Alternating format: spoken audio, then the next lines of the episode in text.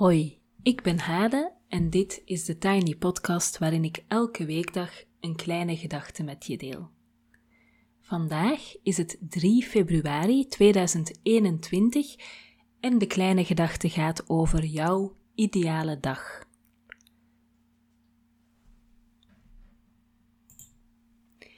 Maandag hoorde je het verhaal van Lonneke Boons die vertelde over het moment dat ze haar ex-partner plots in een ander licht zag.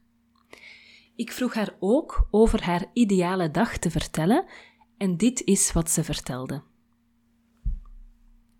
Op een ideale dag heb ik ruimte om rustig te starten. De zon schijnt. Ik maak een wandeling door de natuur. Ik heb de tijd om te schrijven en om te lezen. Ook spreek ik later die dag een coachie en ik help diegene echt verder. Zoveel mooie inzichten. Later die dag speel ik buiten met mijn dochtertje of we gaan een stukje wandelen of fietsen door de natuur. S'avonds is er voor me gekookt, rood wijntje erbij en kan ik dus zo aanschuiven. Dit kan buitenshuis zijn, lekker uit eten, zodra het weer kan, maar kan ook gewoon thuis. Ik hou niet zo van koken, maar wel van lekker en gezond eten. Lekker lang buiten zitten en kletsen met een wijntje in de hand terwijl de zon ondergaat. Het liefste sta ik met mijn gezin met de camper midden in de natuur of zitten we in een huisje midden in de natuur, uitkijkend op een meer.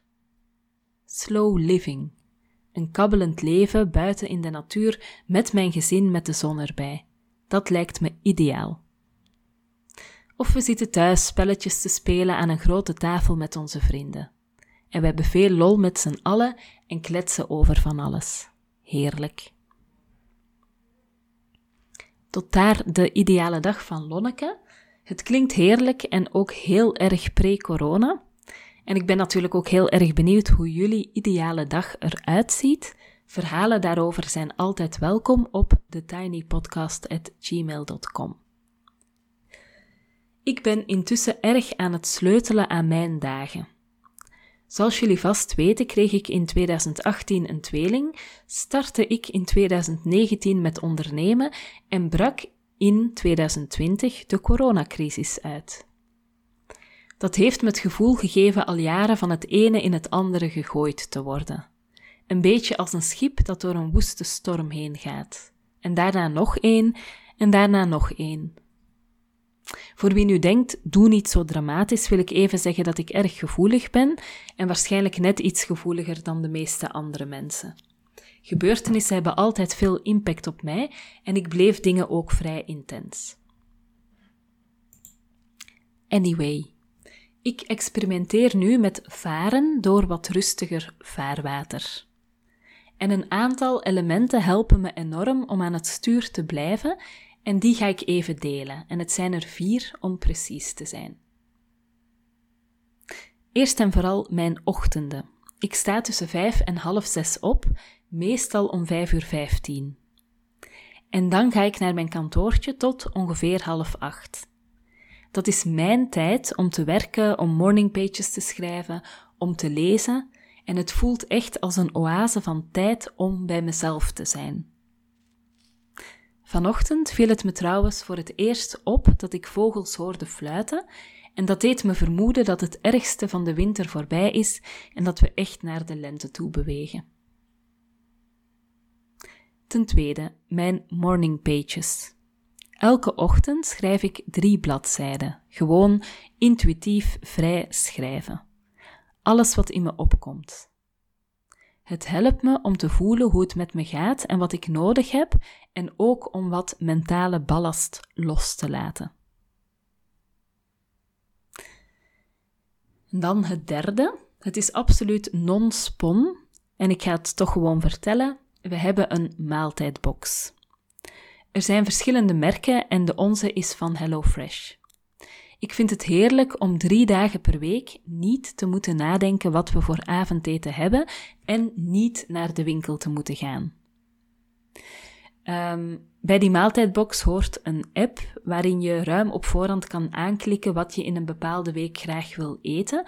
Bij ons staat alles automatisch op vegetarisch. Um, en staan er eigenlijk automatisch drie maaltijden klaar. Uh, maar je kan maaltijden uitvinken en dan kan je andere maaltijden die je liever hebt, kan je dan aanvinken in de lijst. En op die manier heb je ook wel een beetje keuze um, over wat je gaat eten. Ik ben zelf echt heel tevreden over de hoeveelheid groenten per maaltijd. Ik denk dat we met die maaltijden echt enorm veel meer groenten uh, eten. En ook verschillende soorten groenten. En het is echt fascinerend hoe een kleine verandering als een maaltijdbox echt heel veel uitmaakt in het dagelijks leven en in hoe gestroomlijnd dingen kunnen lopen. En dan last but not least gewoontes. Elke ochtend als ik ga douchen zet ik een machine was aan. S'avonds bij het avondeten zet ik alvast de havermoutpap klaar. We ruimen sowieso elke avond het speelgoed en de keuken volledig op. De vaatwasmachine gaat op vaste momenten draaien bij ons thuis. En dan is die ook wel vol. Dus die momenten zijn wel gekozen, um, ja, zodat die dan vol is en zodat die weer uitgeladen is voor het avondeten, zeg maar. Het kan vast allemaal nog net iets beter en strakker, maar niet moeten nadenken over sommige dingen is gewoon wel fijn en handig. Ook bijvoorbeeld de avondrituelen van de kinderen zijn volledig vastgelegd, altijd hetzelfde. Voor de kleintjes is dat bijvoorbeeld melk drinken bij een filmpje, naar boven, pyjama aan, luiers, tanden poetsen, vitamine D, slaapzak aan, verhaaltje en bed. Ze piepen s'nachts wel eens, eigenlijk ongeveer elke nacht wel een keer, maar s'avonds nooit, dus we hebben nooit drama's omdat ze niet naar bed willen. Fingers crossed, want het ritueel is wat het is en iedereen weet waar hij of zij aan toe is. En ook in mijn bedrijf heb ik intussen gelukkig al bepaalde uh, gewoontes. Um, ik heb bijvoorbeeld elke dinsdagochtend een vast overleg om kwart voor zes ochtends met Tamara, met wie ik vaak samenwerk. En we hoeven dus niet elke week onze agendas te trekken. Het is gewoon dinsdag kwart voor zes tot kwart voor zeven. Um, dat ligt gewoon vast en we zijn er gewoon, tenzij iemand ziek is en dan, of op vakantie, kan ook gebeuren. Um, en nog zoiets dat ik vast probeer aan te houden, is dat ik rond 7 uur s ochtends de podcast uitzet. Dus op Instagram en nou ja, via mijn kanalen. Um, dat lukt vrij vaak. Um, ja, en dan is die podcast de wereld al in en kan ik gewoon die dag verder. Moet ik niet meer nadenken wanneer ik dat ga doen, maar dan is dat gewoon ook al gebeurd. Tot daar mijn geweldige huistuin- en keukentips. Ik ben echt een vrij grote chaot. Um, dus het voelt een beetje ongemakkelijk om zo te doen alsof ik mijn leven helemaal onder controle heb met vier geweldige tips.